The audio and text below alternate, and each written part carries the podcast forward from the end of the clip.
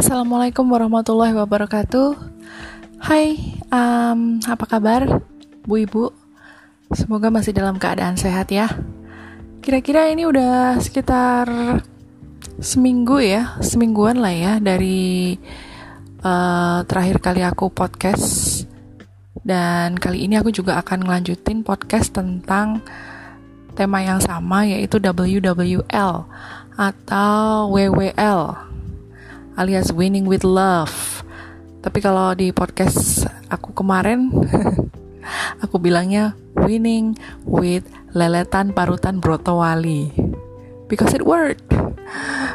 Oh ya, uh, by the way ngomong-ngomong soal WWL, semoga saja yang episode kemarin itu bisa menginspirasi untuk para ibu yang sedang mempersiapkan diri untuk menyapih anaknya ya. Oh ya, by the way kemarin juga beberapa teman saya yang bapak-bapak itu juga sedikit protes kok bapak-bapak nggak disapa sih? Oh ternyata mereka juga dengerin podcast saya. Aduh terima kasih bapak-bapak. Baiklah kalau begitu aku sapa ya. Hai bapak-bapak, semoga makin terinspirasi juga ya dengerin podcast ini apalagi bisa jadi support system yang baik untuk uh, kebutuhan istri dan anak. Alright pak, deal ya. um, kali ini aku masih ngelanjutin soal WWL, tapi lebih tepatnya mengenai post winning problems alias masalah setelah menyapih. Emang iya ya, ada masalah ya setelah menyapi? Oh, tentu saja Rosalinda. Um, gak jarang masalah-masalah setelah menyapi ini muncul. Bisa jadi masalah yang dialami si anak, bisa juga dialami si ibu, dan bisa juga dua-duanya. Hmm. Yang jelas aku bakalan cerita juga tentang apa yang aku alamin dan anakku alamin gitu karena baru kemarin kan aku nyapih si Mada ini gitu nah enaknya mau dari dari anak dulu atau dari ibu dulu ya Hmm, dari anak dulu kali ya, dari anak dulu. Sebenarnya masalah apa sih yang muncul setelah anak itu disapih? Yang pertama, yang aku baca, anak itu biasanya akan susah makan. Lah, apa iya sih? Bukannya kalau udah disapi itu bakalan lebih banyak uh, makannya ya? Karena kan udah nggak ketergantungan sama ASI gitu. Berarti kan dia kan rasa laparnya tuh akan muncul lebih cepat gitu loh. Dan biasanya nafsu makannya akan bertambah. Ya, memang ada yang seperti itu. Jadi memang uh, seorang ibu itu menyapih biasanya karena memang untuk si anak itu lebih tidak ketergantungan dengan ASI apalagi usianya udah 2 tahun gitu dan memang di usia 2 tahun itu sudah waktunya untuk uh, berkembang lebih cepat dan mulai banyak makan makanan padat gitu ya makan makanan yang uh, seperti anggota keluarga lainnya makan kayak gitu. Jadi nutrisinya dari berbagai macam makanan itu lebih banyak di diterima oleh tubuh gitu, sudah tidak asi lagi gitu. Tapi ternyata ini jadi masalah karena kadang-kadang si anak itu belum terlalu terbiasa makan berbagai macam makanan gitu. Apalagi kalau misalnya si anak itu memang seorang yang picky eater gitu ya, yang milih-milih makanan. Terus mungkin juga dari pihak si ibu sendiri tidak menyajikan berbagai macam variasi makanan gitu ya. Buah ya, buah yang sama aja gitu ya. Mungkin terlalu sering makan pisang atau mungkin terlalu sering makan pepaya doang kayak gitu. Jadi ketika disodorin buah yang lain dia nggak mau kayak gitu. Atau misalnya karena terlalu sering uh, masak satu jenis masakan aja, misalnya sop, sop doang kayak gitu. Uh, atau misalnya ayam goreng terus-terusan seperti itu ya anak juga akhirnya bingung gitu loh. Emang selain selain selain makanan ini bisa dimakan ya kayak gitu. Makanya anak susah makan kayak gitu. Nah, biasanya ketika anak susah makan seperti ini, si ibu juga mulai panik ya. Karena yang diharapkan ketika menyapi adalah si anak ini bisa nambah nafsu makannya, tapi ternyata enggak.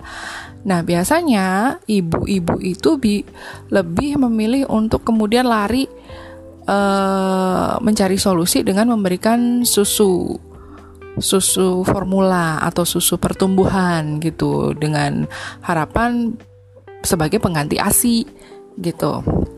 Ya, biar biar biar kenyang juga kayak gitu. Nah, apakah itu juga terjadi padaku?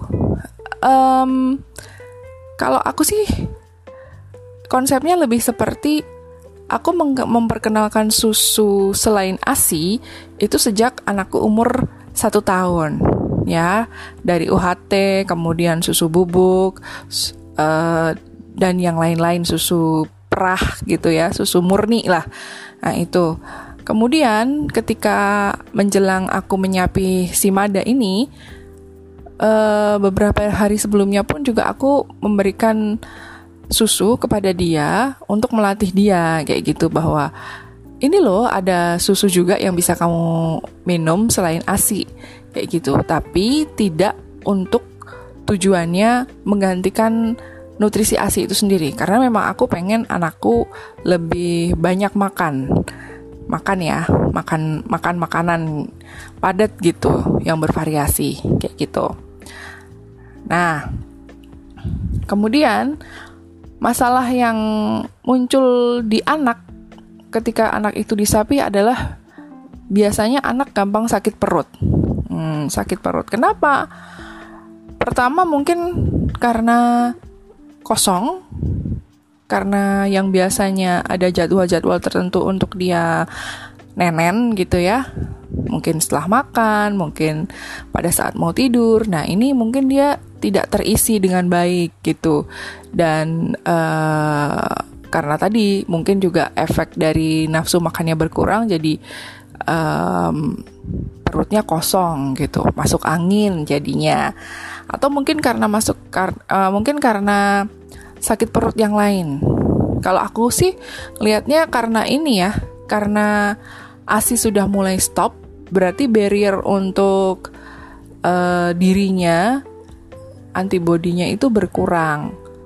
Berkurang uh, untuk menghadang bakteri dan virus yang bisa masuk ke ke badannya gitu. Kan kita semua tahu ya kalau ASI itu adalah the best protection for for babies gitu loh. Makanya sangat dianjurkan untuk uh, memberikan ASI apalagi ASI eksklusif. Karena itu memang baik untuk uh, pembentukan antibodi dia imunitas dia kayak gitu Apakah anakku mengalami sakit perut?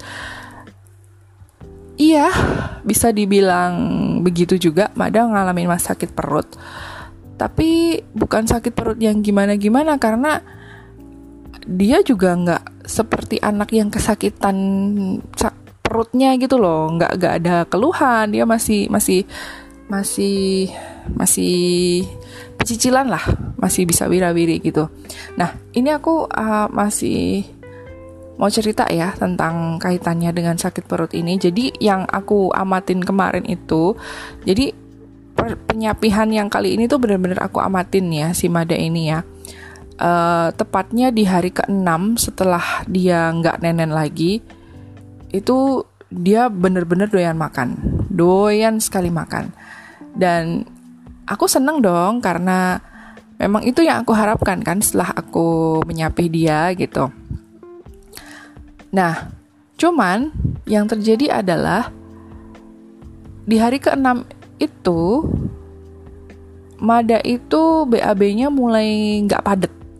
Dari pagi pagi pagi itu dia BAB mulai nggak padat. Jadi teksturnya udah ya nggak padat lah. Seperti uh, eh, BAB normal gitu.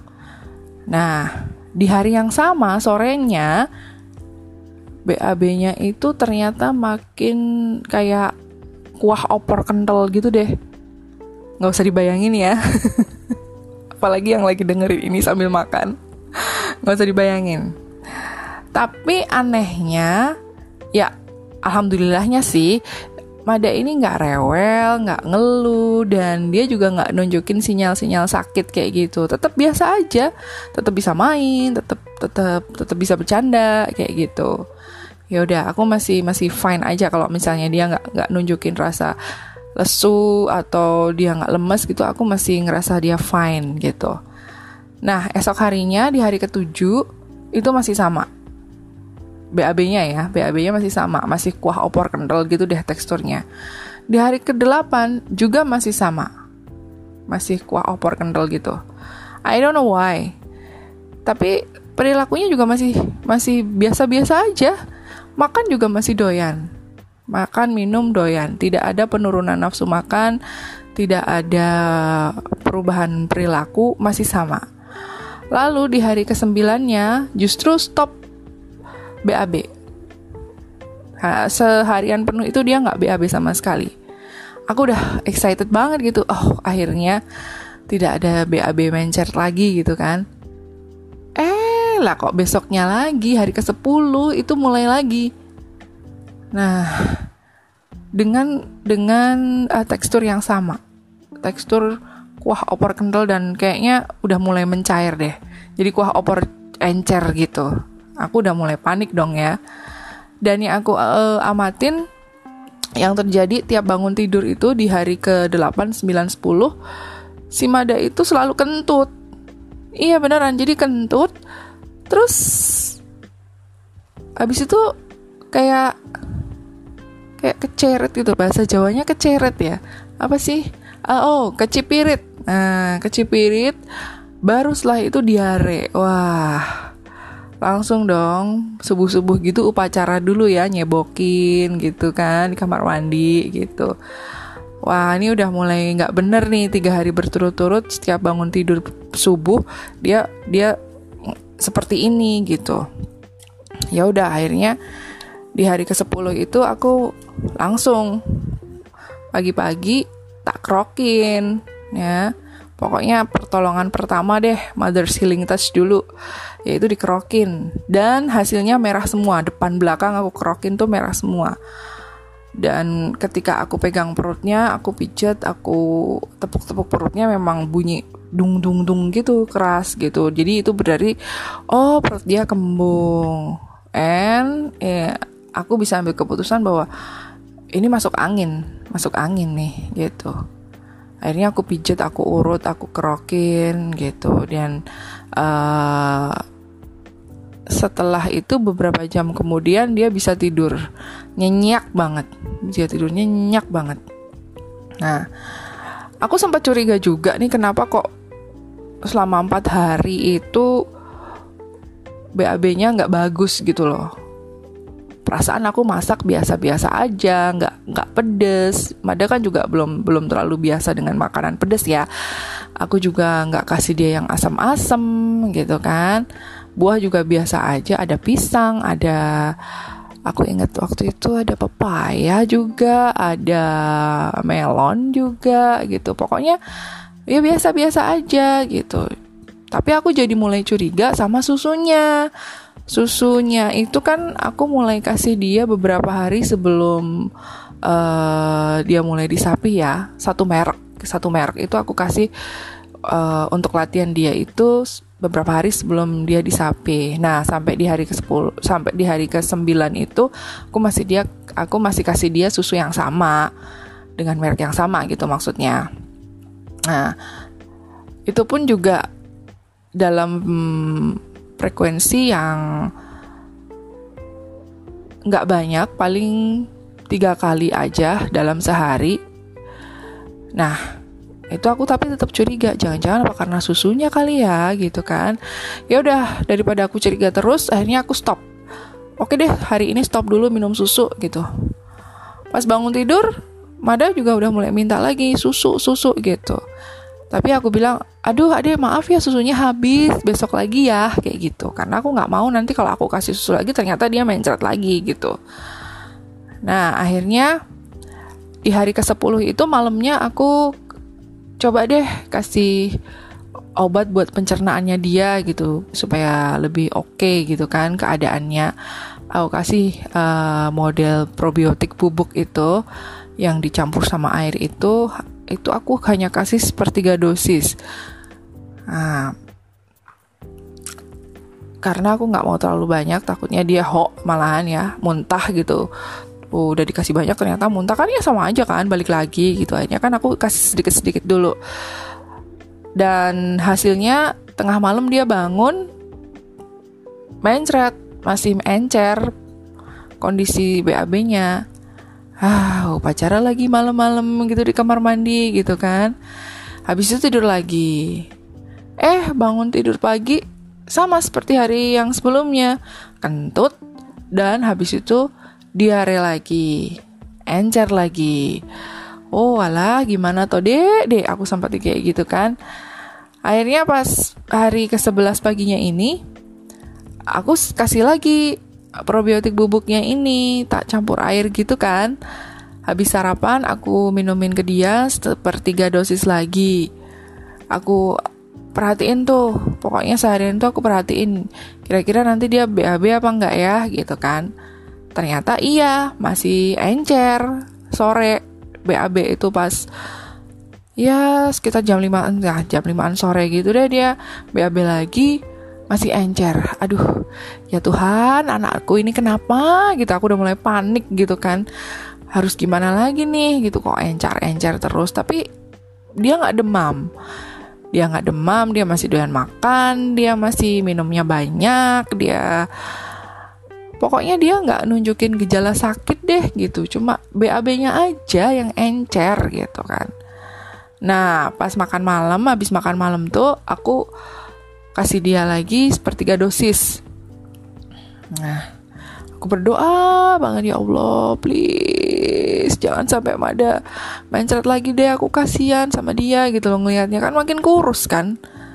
Nah aku berdoa banget dan malamnya itu sampai pagi dia nggak bangun untuk BAB gitu loh aku seneng banget tuh semalaman tuh sampai pagi dia nggak BAB sama sekali aku udah mikir semoga udah padat, semoga udah padat, semoga udah padat gitu besoknya gitu.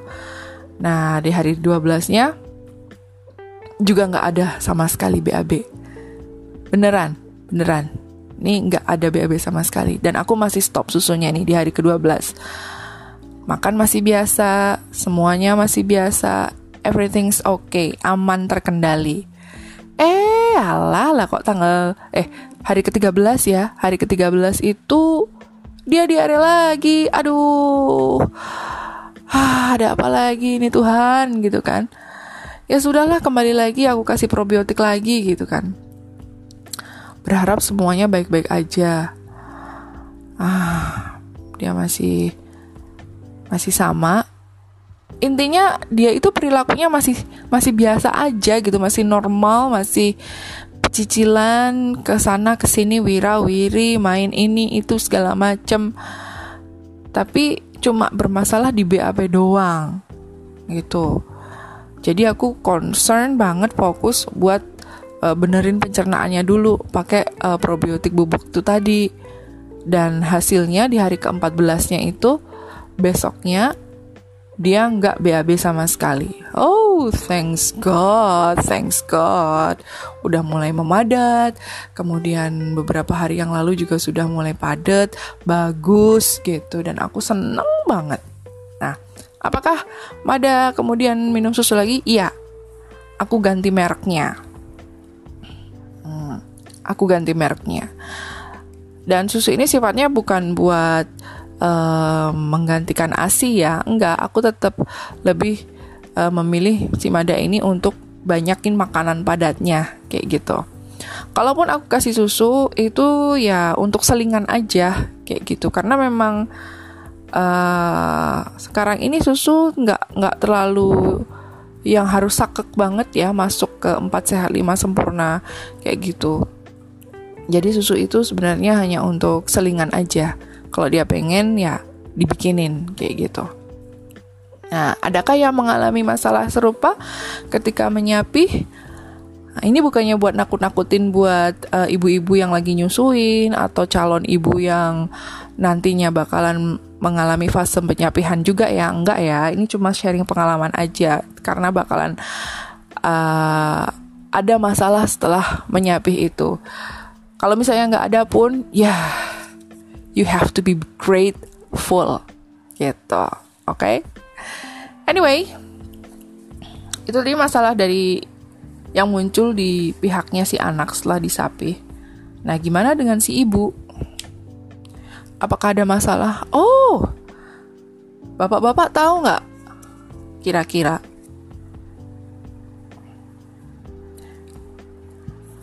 harus tahu ya pak ya harus tahu karena di sinilah sebenarnya peran penting si bapak ini untuk jadi support system uh, ketika ibu menyapi. Ibunya juga akan kena masalah gitu loh, muncul masalah di pihak ibu. Jadi tolong disupport ya. Paling nggak tanyakanlah keadaannya kayak gitu. Gimana? Udah berhasil apa belum nyapihnya? Gitu. Ada yang mau dibantuin nggak? Misalnya seperti itu. Oke? Okay? Oke okay, Rudolfo? Ya, lanjut ya. Masalah apa sih yang muncul di ibu? Oh, yang paling jelas banget adalah payudaranya itu akan terasa sangat penuh. Nah, penuh dengan ASI dong ya, bukan penuh dengan yang lain-lain. Karena kan ASINya udah nggak diisap lagi, udah nggak dikeluarkan lagi. ASI akan terus diproduksi, tapi ketika sudah tidak diisap lagi, terus berarti kan uh, tampungannya itu kan udah penuh gitu loh, ya kan? Penuh banget. Nah, ini akan jadi masalah tentunya untuk si ibu karena rasanya akan sangat sakit gitu loh, merengkel gitu. Ya kan? Yang jelas dari bentuknya pasti akan lebih besar dari sebelumnya. Tapi jangan kira si bapak ini langsung bisa Eh, pegang-pegang uh, dengan penuh sukacita dan kasih sayang ya karena rasanya itu rasanya itu sakit kalau misalnya udah merengkel kayak gitu ngerangkai bahasa Jawanya ya. Uh, bengkak gitu rasanya. Bahkan ketika kesenggol pas ganti baju aja itu kadang sakit banget gitu. Nah ini gimana solusinya untuk mengatasi payudara yang penuh kayak gitu solusinya hanya satu yaitu diperah, dipompa, dikeluarkan asinya gitu. Lah terus gimana? Itu kan asi. Kalau diperah, dipompa, dikeluarin, terus siapa yang minum? Ya nggak ada dong. Kan emang udah nggak di, diminumkan lagi ke anak, ya kan? Anak udah udah udah dari sapi. Jadi kalaupun diperah, di dipompa, itu ya dibuang. Gitu. Kan emang udah disapi jadi anak nggak nggak minum asi perah lagi. Aduh sakit nih mau memerah. Mau dipompa sakit gimana dong? Ada kok solusinya tenang aja. Jadi emang ini tuh yang bisa ngerasain cuma perempuan yang lagi nyapi doang bapak-bapak mana tahu ya Uh, tapi bisa bantu dengan cara misalnya mengompres payudara si ibu ini dengan air hangat. Dikompres biar biar lebih terbuka pori-porinya, kemudian lebih nyaman rasanya. Habis itu uh, dimasas, dipijat ya, melakukan pijat payudara dimasas supaya lebih uh, tidak kaku otot-ototnya. Dimasas bisa pakai VCO uh, minyak kelapa atau mungkin pakai baby oil biasa juga bisa karena kan uh, udah nggak udah nggak bakalan dikenyot lagi tuh. Jadi pakai baby oil aja udah cukup kok untuk melakukan masas payudara. Nah dimasas aja beberapa menit nanti kalau udah mulai agak uh, relax ototnya baru mulai diperah. Bisa pakai tangan atau bisa dipakein pompa ASI gitu untuk mengeluarkan uh, produksi aksi yang berlebih. Untuk mengosongkan payudara supaya payudaranya nggak bengkak. Karena kalau bengkak terus-terusan itu nanti bisa berujung ke mastitis apa itu? Yaitu infeksi payudara karena pembengkakan itu tadi. Kalau mastitis kalau udah sakit banget biasanya nanti harus ada insisi gitu loh untuk mengeluarkan yang bikin bengkak itu tadi. Kan nggak enak kan ya cuma gara-gara nyapi doang harus ke dokter atau ke rumah sakit kayak gitu. Makanya harus dipersiapkan dengan matang untuk uh, proses yang satu ini. Jadi bapak-bapak di sini boleh loh ikut berperan dalam memijat payudaranya istri, boleh, boleh. Ya. Gitu. Nah, masalah apa lagi sih selain payudara penuh? Yang jelas uh, dengan berakhirnya fase menyusui ini, ini juga akan mempengaruhi hormon yang ada dalam tubuh ibu menyusui. Ya. Menyusui itu dipercaya bisa menumbuhkan hormon prolaktin dan oksitosin. Wah, apa itu gitu ya? Pakai bahasa yang biasa aja sih ngapa gitu ya. Jadi hormon prolaktin itu adalah hormon yang menimbulkan rasa tenang dan hormon oksitosin itu adalah hormon yang menimbulkan rasa senang, rasa bahagia. Ibu-ibu kalau lagi menyusui itu pasti akan merasa tenang dan senang, tenang dan bahagia. Tenang karena apa? Karena dia merasa sudah uh, memberikan hak si kecil, hak si babynya ini untuk menyusu ya kan, memberikan pangan secara alami untuk bayinya. Dia tenang karena dia merasa bahwa anak ini sudah ada di tangan yang tepat untuk melindunginya.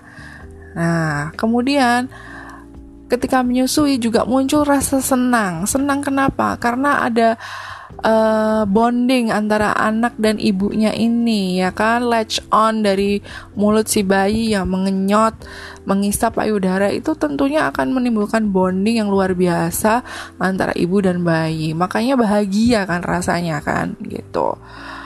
Nah ketika proses menyusui ini kemudian di stop karena proses penyapihan tentunya hormon-hormon ini pun sedikit demi sedikit hilang Ya dong.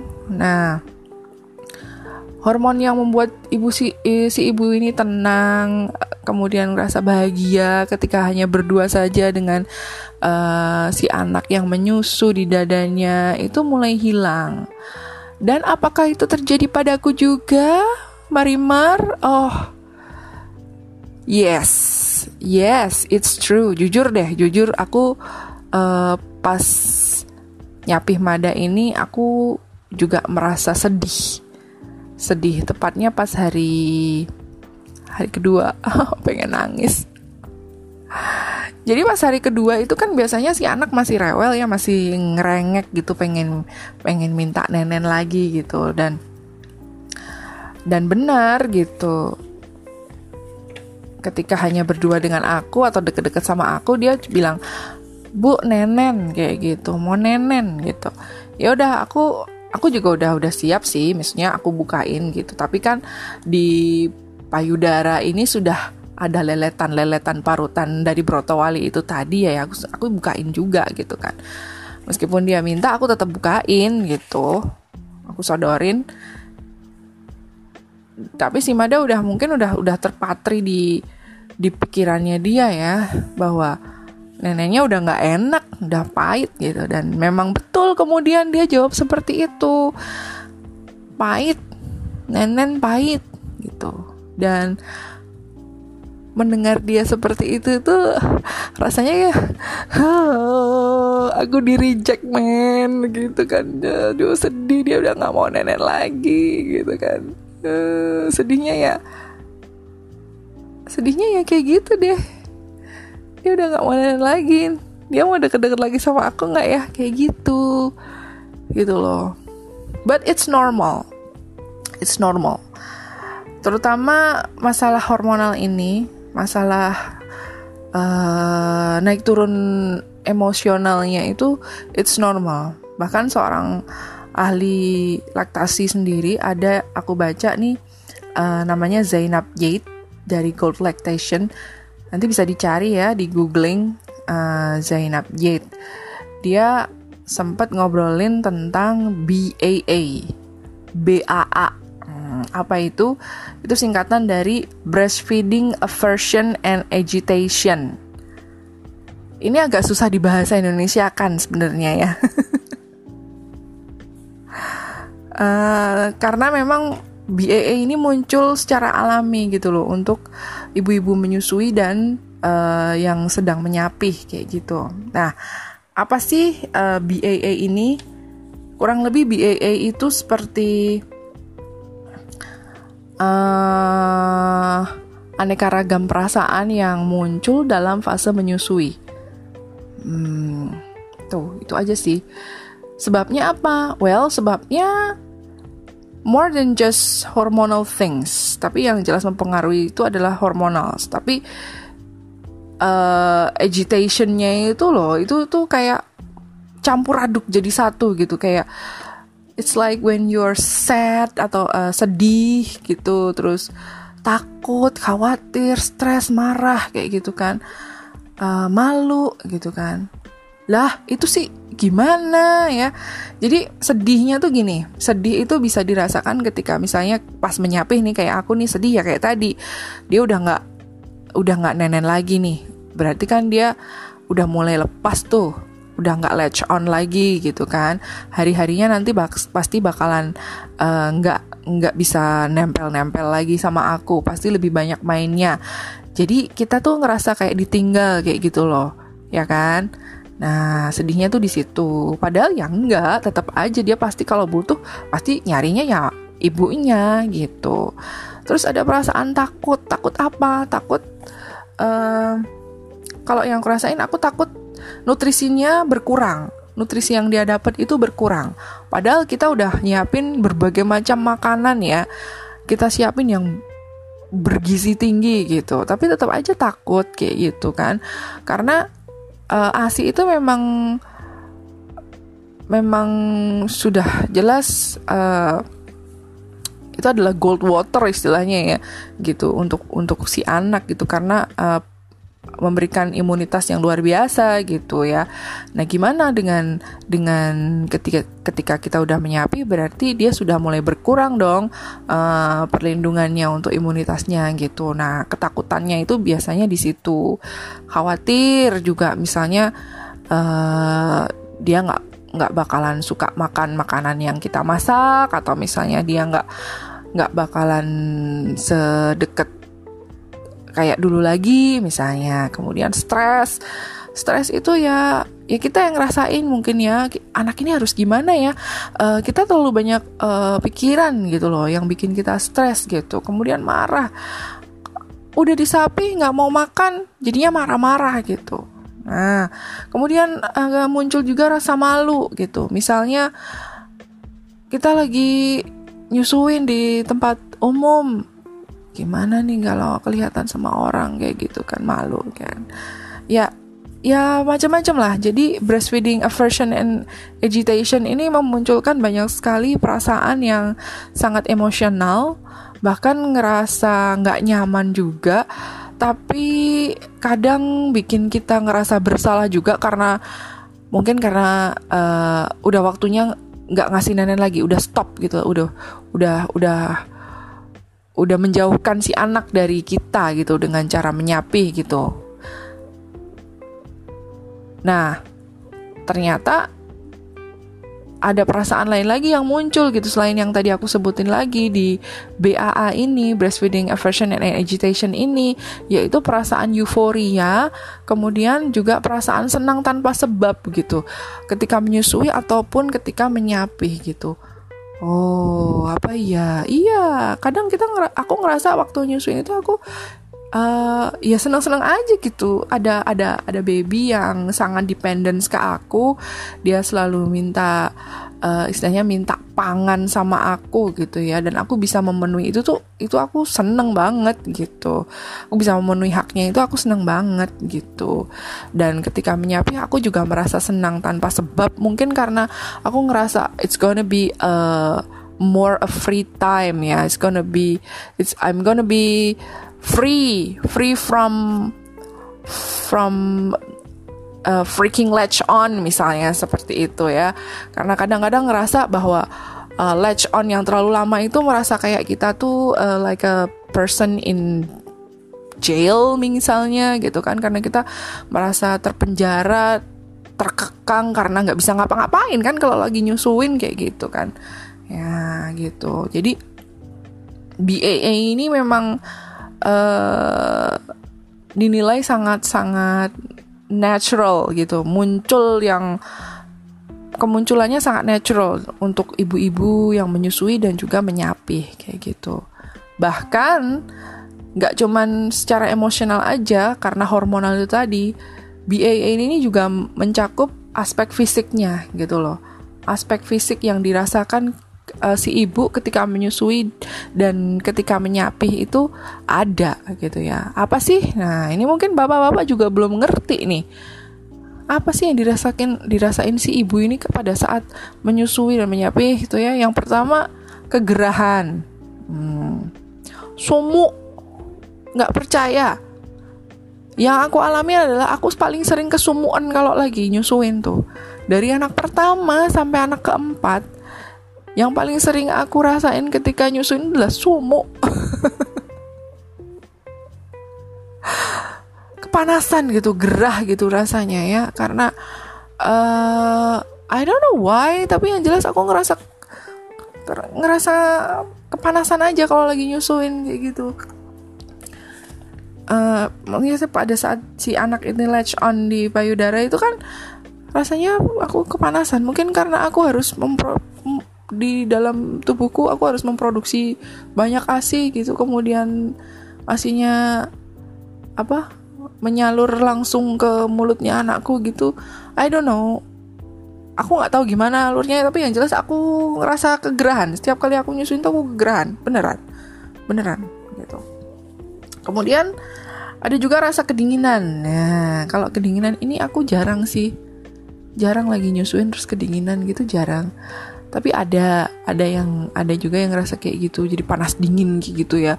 Mungkin juga karena pas masa penyapihan, jadi uh, kemu apa payudaranya penuh, nggak segera dikeluarkan, ada clock duct kayak gitu apa uh, penyumbatan saluran ASI itu, jadi dia ngerasa badannya dingin sekali ya. Itu mulai tanda-tanda mastitis tuh biasanya. Ah, mulai mendekati demam itu biasanya nah terus juga pada saat menyusui atau menyapi itu biasanya ibu ibu-ibu itu juga ngerasain gatel-gatel. Ini aku juga sering ngerasain juga nih gatel-gatel. Gatel-gatel terutama di bagian punggung kalau aku biasanya. Jadi lagi nyusuin gitu kan anak di pangku disusuin gitu. Eh punggungnya gatel. Aduh nggak enak banget nggak bisa nggak bisa nggak bisa garuk kan. Kan megangin si babynya gitu. Jadi aduh nyebelin banget deh kayak kayak gini gitu. Dan gatelnya tuh tanpa sebab gitu kan. Udah muncul aja kayak gitu. Uh, muncul kadang di punggung sebelah kiri kadang punggung sebelah kanan kadang agak ke atas sedikit gitu kan. Kadang di bawah ketiak gitu. Dan kalau misalnya dicari ya nggak ada nggak ada bentol nggak ada bintil nggak ada ya pokoknya gatel aja kayak gitu. Dan itu hanya bisa dirasakan oleh ibu yang menyusui dan menyapi ya.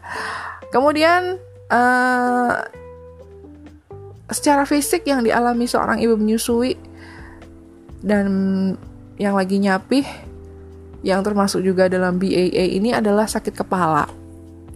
Nah, ini emang memang biasa terjadi sih kalau sakit kepala. Apalagi kalau misalnya si ibu ini memang lagi kurang tidur banget uh, harus begadang gitu ya. Apalagi buat yang nyusuin newborn gitu aduh begadang tiap malam. Coba paginya juga masih harus nyusuin gitu. Wow wow ngeluh sih gitu kan. Ya. Tapi itulah.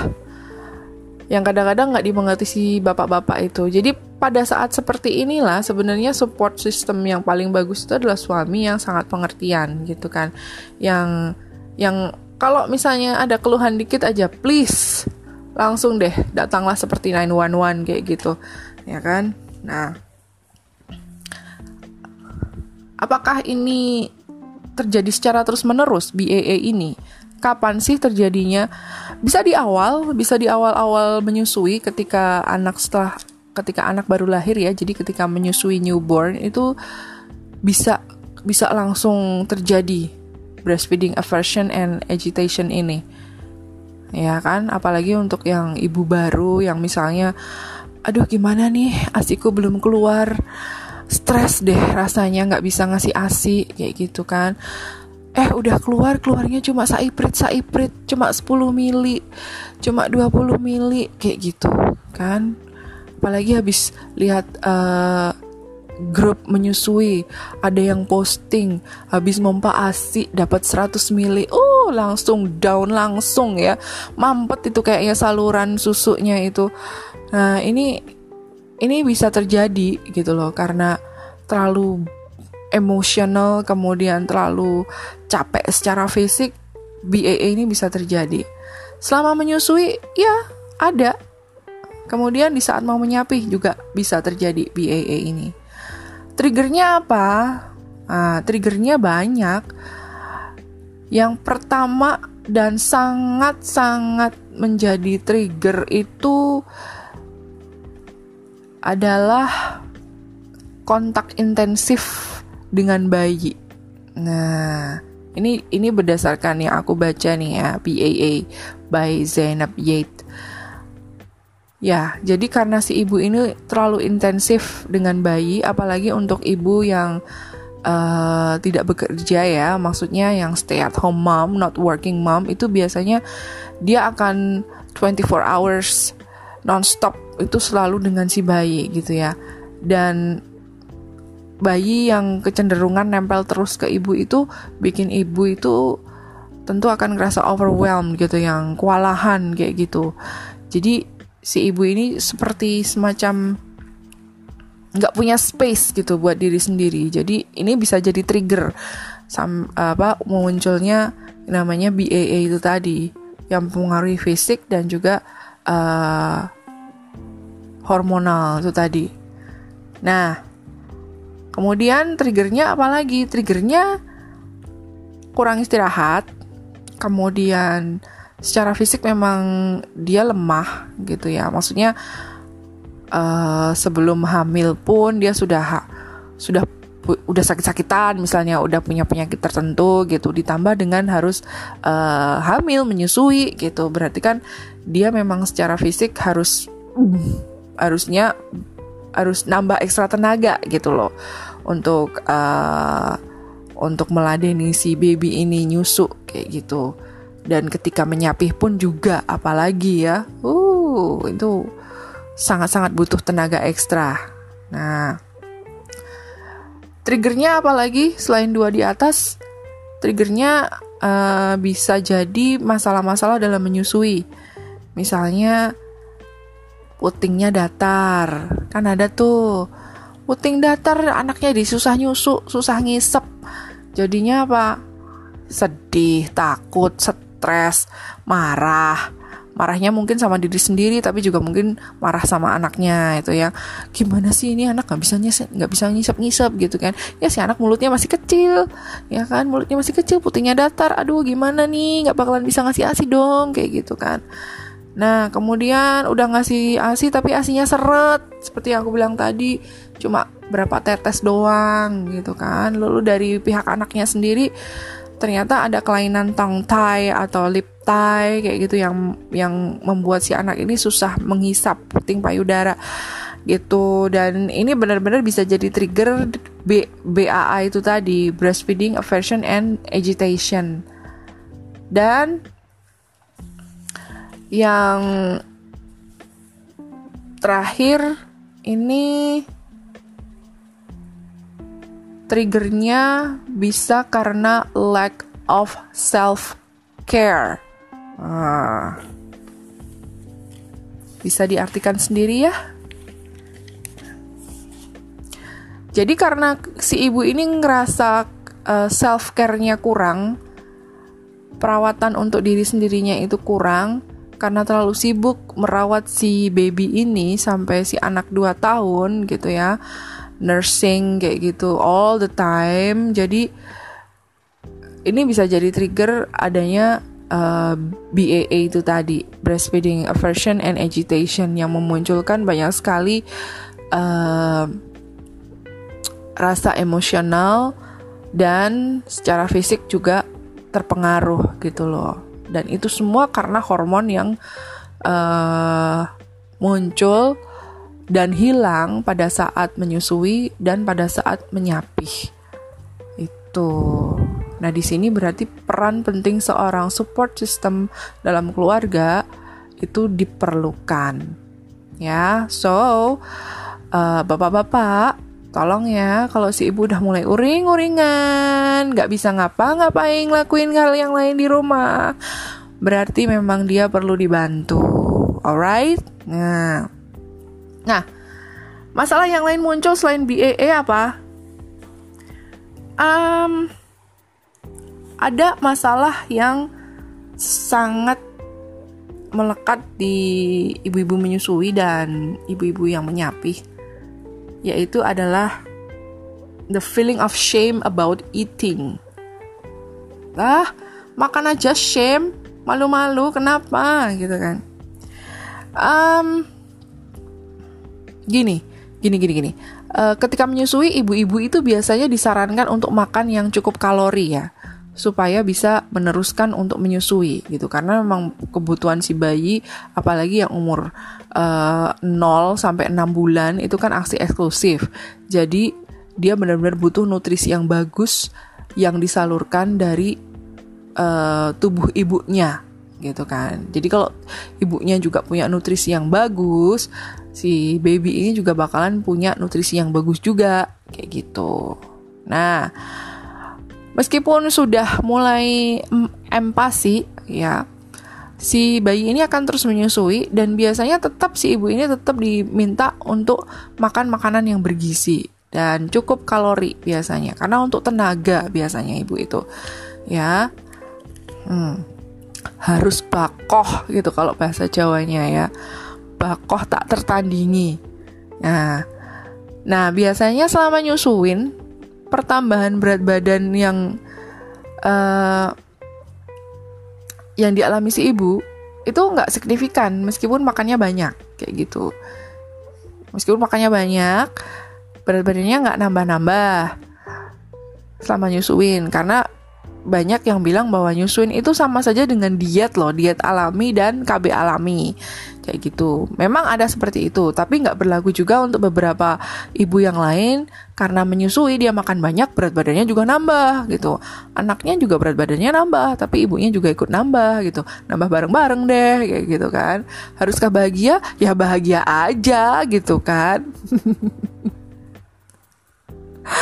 bahagia aja bareng-bareng juga sama anaknya. Nah, pas nyapi ini jadi satu macam hal yang agak-agak challenging gitu loh. Untuk seorang ibu yang habis nyusuin makannya banyak, kemudian nyapi, stop, ini jadi hal yang sangat uh, menantang gitu ya, semacam American Ninja Warrior gitu ya, untuk bisa langsung cut down asupan makanan itu kayaknya susah-susah gampang gitu ya gam-gam sus gitu ya gampang-gampang susah juga gitu. Secara ya kemarin itu kan uh, kayak habitual gitu kayak kebiasaan. Aku makan segini kenyang tiba-tiba ah udah selesai nih nyusuinnya. Gak usah makan banyak-banyak lah mau diet. Ternyata ya nggak bisa belum bisa ya kan? Apalagi kalau anaknya tipe yang meskipun udah disapi susah makan deh. Aduh eman-eman kalau makanan dibuang mau bazir sini ibu habiskan aja. Ya biasanya kan ibu-ibu kan seperti itu. Sama seperti aku. Sisa makanannya si bocah dihabisin gitu kan. Jadi ya gimana gitu ya? Antara shame dan gak shame gitu deh. Antara malu dan ya biasa aja gitu loh. Nah ini kadang kadang ngerasa feel guilty-nya tuh di sini gitu loh. Kalau mau nambah gimana? Nggak nambah yo lapar gitu kan? Mau nambah kok pengennya diet gitu kan? Ya gimana ya? Antara iya enggak iya enggak iya enggak kayak gitu. Always itu always. Disupport lah ya. Beliin makanan diet gitu loh. Ya pak ya. Gitu. Nah ini sebenarnya masalah masalah-masalah juga yang muncul di ibu-ibu gitu kan. Yang muncul pengennya diet ternyata enggak. Nggak jadi. Besok aja masalah lain yang muncul ketika uh, seorang ibu sudah menyapi anaknya adalah insomnia. Yes uh, it happened to me sometimes. Bahkan beberapa hari setelah uh, sorry sorry. Beberapa hari sebelum aku bikin podcast ini pun aku ngerasa insomnia. Nggak bisa nggak bisa tidur dengan lelap kayak gitu. Kemudian yang aku biasa tidur siang kan. Aku nggak bisa. Kemudian aku ngerasa awake all the time gitu. Padahal sudah waktunya untuk tidur um, tapi nggak bisa kayak gitu. Jadi ya insomnia aja gitu. Nah ini ini juga jadi masalah karena sebenarnya kan tetap harus istirahat ya gitu meskipun uh, mungkin tidak memerlukan banyak tenaga lagi untuk menyusui tapi tetap kan yang namanya ibu harus jaga kesehatan, ya kan? Gitu. Jadi masalah insomnia ini juga harus diperhatiin banget gitu karena sekali lagi aku bilang tadi kudu bakoh karena memang sehampir semua yang dilakukan di rumah itu uh, by ibu gitu loh. Kecuali kalau dayang-dayangnya ada 12 ya kayak Nia Ramadhani gitu.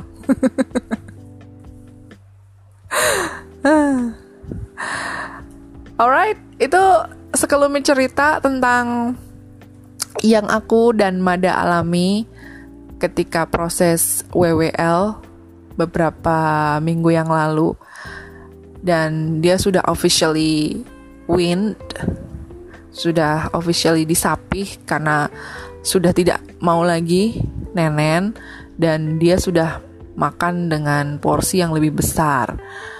Meskipun pernah pada saat kemarin dia diare berat badannya sempat turun setengah kilo, tapi alhamdulillahnya sekarang sudah mulai mm, gitu lagi kalau aku gendong dia itu sudah mulai uh, ya berasa banget deh kayak gitu. Oh ya, uh, ngomong-ngomongin soal gendong yang nge itu tadi, ternyata di kebiasaan Nyamada setelah di sapi ini ada loh yang baru yaitu adalah dia tidak akan bisa tidur sebelum digendong. Wah, ini kerjaan baru ini. Jadi dia kalau udah ngantuk, dia tuh ngasih sinyal ngantuk kayak gitu kan. Tapi dia tidak akan bisa atau belum bisa deh. Aku bilang belum bisa tidur secara mandiri gitu yang di kasur uh, tidur merem sendiri gitu belum bisa. Bahkan ketika misalnya diajak ayo deh bobo deh gitu. Udah ngantuk ya? Ayo udah malam bobo gitu. Dia nggak bisa. Nggak nggak akan merem merem dia atau misalnya udah dikekep gitu ya dikekep dikelonin gitu dipuk-puk kayak gitu gitu kan. Tetap aja nggak mau merem gitu. Tapi kalau misalnya udah digendong digendong digendong gitu uh, dilalebain gitu ya bisa bisa tidur. Ya kurang lebih 10 menit deh 10 menit kayak gitu. Cuma dua hari dua malam kemarin itu sangat sangat menyiksa aku sekali karena entah kenapa tidurnya nggak nggak seperti biasa. Jadi udah digendong 10 menit nih lelap tidur aku taruh di kasur. Eh satu atau dua jam kemudian dia bangun dan nangis nangis gitu. Nangisnya kecil banget aku nggak tahu kenapa. Gitu dan sempet dia melek itu dari jam 1 sampai jam 3 pagi gitu. Nah malam berikutnya kayak gitu lagi. Nangis gitu aduh kenapa nih anak ya? Gitu kan. Sempet aku curiga jangan-jangan dia sakit gitu. Kan karena aku ngerasa ada yang salah dengan nafasnya dia gitu kan. Akhirnya ya udahlah aku coba buat uh, gendong dia. Sampai akhirnya aku uh, duduk dia tidur di di pangkuan gitu. Jadi aku duduk dia dia aku pangku dan dia akhirnya tidur gitu. Gitu. Ya semoga semoga uh, malam ini enggak ya. Semoga malam ini enggak enggak terjadi lagi. Semoga lelap enak dan bangun paginya uh, dia bisa lebih fresh lagi. Gitu. Nah. Oke okay, itu adalah yang paling pol untuk soal WWL ini. Semoga banyak yang banyak uh, banget yang bisa menginspirasi. Bukan buat nakut-nakutin tapi yang jelas bisa buat uh, checklist aja besok kira-kira kalau misalnya udah nyapi, udah siap. Jiwa, raga, fisik, dan juga mental. Oke? Okay? I'll see you on my next podcast. Bye.